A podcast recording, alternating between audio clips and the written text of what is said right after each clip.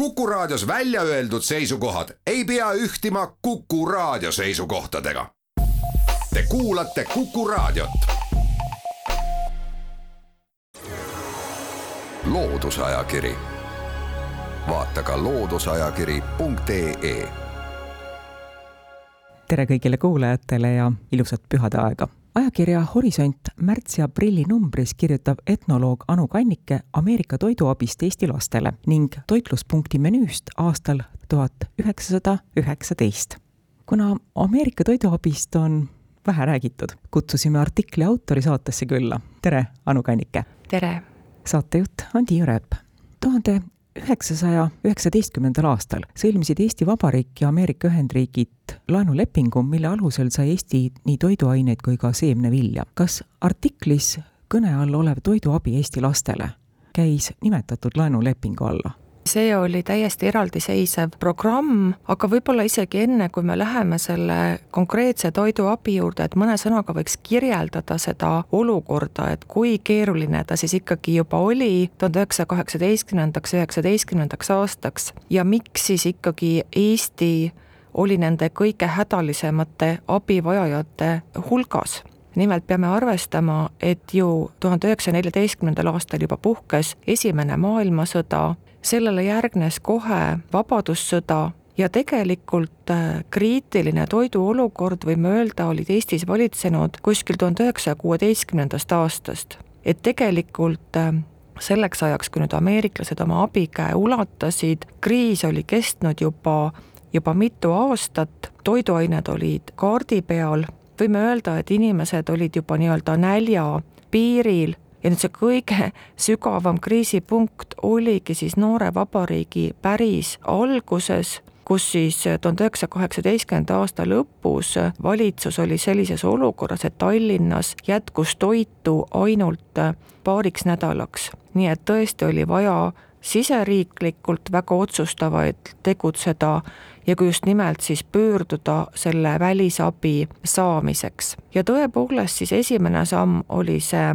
laenuga vilja ostmine, aga nüüd, kui me rääg-, läheme konkreetsemalt äh, selle laste toiduabi juurde, siis selleks siis äh, Ameerikas tuhat üheksasada üheksateist veebruaris loodi Ameerika abi andmise administratsioon, mille peadirektoriks sai hilisem president Herbert Hoover ja see siis organisatsioon eraldas siis äh, sada miljonit äh, dollarit äh, krediiti, et siis Ameerika saaks osta toitu Poolale, Soomele, Balti riikidele ja Armeeniale, et need kõige suuremad hädalised siis olid siin mainitud.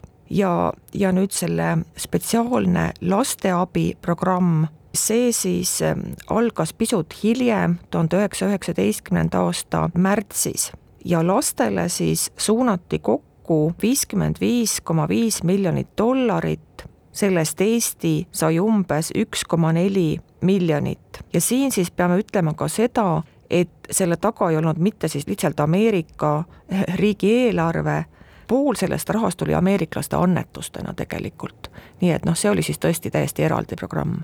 võlakirjade vastu saadud toiduabiga oli probleeme, räägiti riknenud toiduainetest, kopitama läinud jahust. kas laste toiduabi puhul oli ka analoogseid juhtumeid? tegelikult nii palju, kui mina neid materjale olen uurinud, ei olnud äh, kaebusi, et pigem vastupidi, kogu niisugune ju laste ühiskondlik toitlustamine, noh mingil määral ta oli tuntud, olid meil ju ka juba tsaari ajal supiköögid, aga niisugune noh, mastaapne toitlustamine oli ikkagi uus ja toonased ajalehed kirjutavad, et esialgu lapsevanemad olid umbusklikud. tõesti ei olnud ju teada, eks ole, mis seal siis, mis sinna tuuakse, aga nad õige pea veendusid, et toit on kvaliteetne ja laste arv nendes toidupunktides tegelikult kiiresti kasvas pigem see probleem, mida kajastavad äh, arhiiviallikad, näiteks siis toonane kirjavahetus Eesti-sisene ja ka ajakirjandus, on see, et võib-olla kui linnades see organiseerimistöö oli päris tõhus,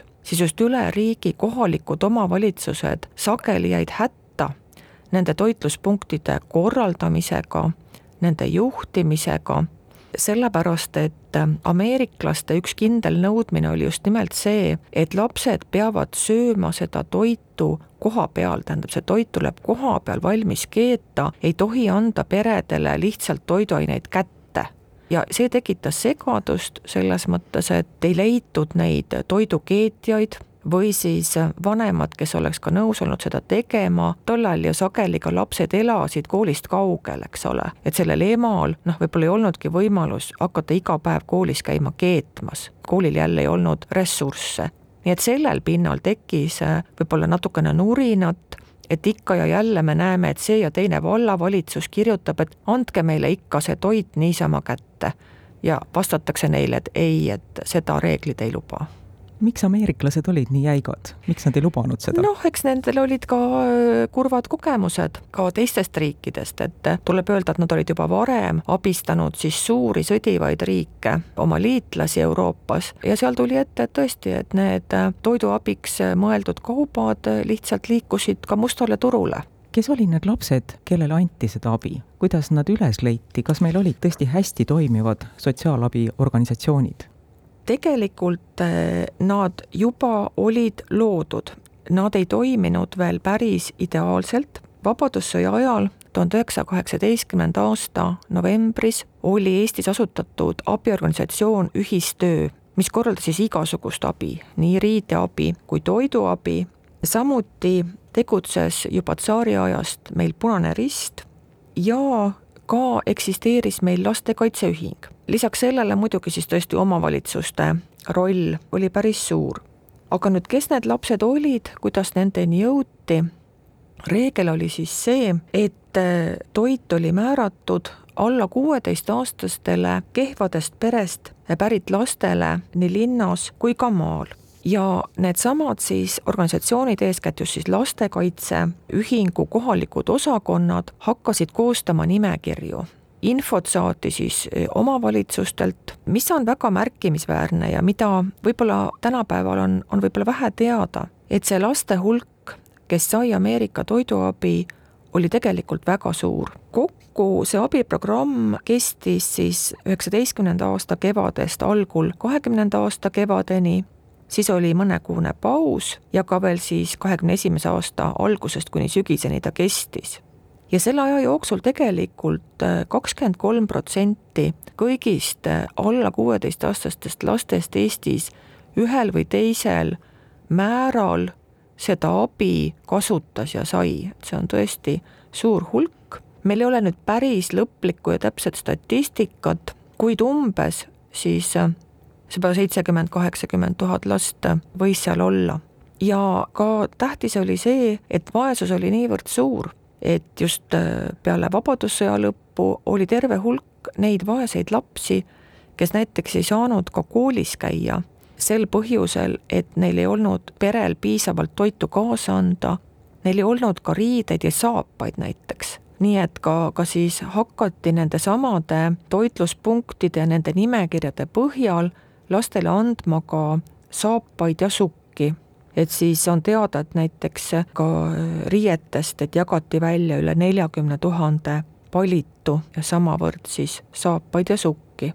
ja ka siis selle toiduga koos toitluspunktides oli võimalik saada ka arstiabi, mis on ka siis väga tähelepanuväärne. meil on aeg teha jutuajamisse väikene paus. loodusajakiri vaata ka looduseajakiri.ee loodusajakiri läheb edasi. saate teemaks on Ameerika toiduabi Eesti lastele. saates on külas etnoloog, Eesti Rahva Muuseumi vanemteadur Anu Kannike. saatejuht on Tiia Rööp. räägime sellest ka, mida lastele süüa anti, see ei olnud meie lastele harjumuspärane toit. tõepoolest, see toit oli uudne, sellepärast et ameeriklased saatsid Eestisse palju konserve, oakonserve, kondentspiimakonserve, samuti saadeti palju riisi, mis ju Eesti oludes oli mitte küll päris tundmatu, aga kindlasti ei söönud seda lihtsad inimesed. nii et, et see kõik oli võib-olla mõnevõrra harjumatu. Ja samuti siis jagati lastele leiba aga jagati palju ka valget saia, eks ole, et Ameerika kultuuris ju süüakse rohkem saia, meie kultuuris valge saia söömine oli hästi erandlik, et seda ikkagi juhtus tol ajal ainult pidupäeviti. nii et pole ka ime, et vanemad pidasid seda toitu ikkagi üsna, üsna luksuslikuks ja näiteks selline jook nagu kakao ka noh, kindlasti eks ole, meil mõisaperedes seda joodi ka varem, ka jõukamal järjel linlased seda võisid tunda, kuid nüüd kahtlemata üks tavaline näiteks töölispere laps nägi ja maitses kakaod esmakordselt. Ja noh, võiks ju arvata, et see mingit tõrget tekitas, aga ju siis see oli niivõrd maitsev ja toitev, et pigem on kõik sellised positiivsed vastukojad on selge, et me olime väga raskes olukorras ja see abi oli meile väga vajalik. Ameerika poole pealt vaadates, miks nad meid aitasid, mitte muidugi ainult meid, teisi ka? jaa, siin on nüüd väga mitu aspekti, et algul ma mainisin, et tegelikult äh, nendest lasteabisummadest ju pooled koguti annetustena Ameerikas ja ma arvan, et nende annetuste taga oli tõesti selline nii-öelda siiras inimlik kaastunne ja soov raskes olukorras lapsi aidata. nüüd aga riigi seisukohalt juba see, et eks ole, seda kõike programmi juhtis Hoover, ta oli ikkagi poliitik ja siin olid ka kindlasti USA majanduslikud ja poliitilised kaalutlused mängus taheti siis Euroopa riike pärast sõda jalule aidata selleks, et nendest saaksid Ameerikale sellised kindlad majanduspartnerid, aga ka poliitilised partnerid. et eriti eks ole, Ida-Euroopa puhul, kõrval oli ju vaenulik Venemaa, et see nii-öelda Ameerika kuvandit positiivsena näidates püüti siis ka võidelda nii-öelda võimaliku Venemaalt tuleva kommunistliku ideoloogia vastu ja et, et siis rahva nii-öelda Ameerika meelsus ka oleks tugevam. Nii et, et muidugi ei unustatud ka seda propaganda aspekti, õnneks on säilinud väga toredaid fotosid nendest laste toitluspunktidest ja me näeme, kuidas siis nendel toitluspunktidel alati lehvivad Ameerika lipud, et seda muidugi ei jäetud kahe silma vahele. Ja ma arvan, et see oli tegelikult mõlemale poolele nii-öelda kasulik äh, suhe, et ka meie välisministeerium kirjutas äh, Ameerika Ühendriikidele pärast programmi lõppu tänukirja, loomulikult see oli selline elementaarne äh, diplomaatiline viisakus, aga, aga tegelikult seal tõsteti ka esile, et, et noh, objektiivselt see abi oli tohutu tähendusega ja tõepoolest, et Eesti jaoks see ei tähendanud mitte üksnes seda, et lapsed said kõhu täis, vaid see aitas ka nii-öelda nendel Eesti abiorganisatsioonidel saada küpsemaks, hakata tõhusamalt tööle ja selle abil ka nii-öelda siis taastuti sõjahaavadest ikkagi palju kiiremini kui palju selle teema kohta üldse pildimaterjali meil säilinud on? ütleme niimoodi, et mõõdukalt, aga siiski just tuhande üheksasaja üheksateistkümnendast aastast on äh, säilinud äh, fotosid eeskätt Tallinna toitluspunktidest Tallinnas oli neid toitluspunkte eri aegadel mitmeid, kõige rohkem vist kuskil kümmekond, näiteks üks nendest asus Kadriorus selles majas, kus on praegu Mikkeli muuseum, oli ka siis Koplis, kus elas palju pigem kehvemate tööliste lapsi, on ka fotosid minu meelest vanalinnast, nii et ütleme, selline kümme-viisteist äh, küllaltki ilmekat fotot, üks on ka Viljandist, miks need fotod on toredad, et tõesti me, me sealt näeme, et kuidas need lapsed välja nägid. Me näeme ka seda nii-öelda korrektselt kaetud laudu valgete taldrikutega, nii et, et see annab ka kenasti seda tollast õhustikku edasi kas on säilinud ka mälestusi, et keegi on kirja pannud näiteks need inimesed, kes keetsid lastele toitu ja serveerisid seda või siis mõne lapse mälestused? kas neid meil on kasutada? mina kahjuks selliseid otseseid mälestusi ei ole leidnud aga sellist ähm, inimlikku või, või subjektiivset momenti kumab läbi ka arhiiviallikatest, et näiteks ähm, Võrumaal on siis paks köide kirjavahetusest, toitluspunktide korraldamisest Võrumaal ja sealt äh, me ka näeme paraku, et seal on ka omajagu kaebekirju, kus siis äh, inimesed äh, protesteerivad, et miks see ja teine pere on kantud abivajajate nimistusse, aga see ja teine ei ole.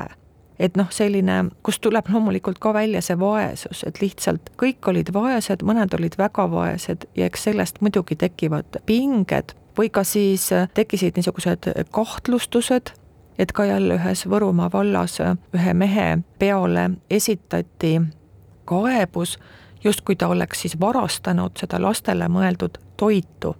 korraldati uurimine tegelikult selgus, et ta oli lihtsalt laenanud oma nõusid äh, laste toidu viimiseks ja toomiseks.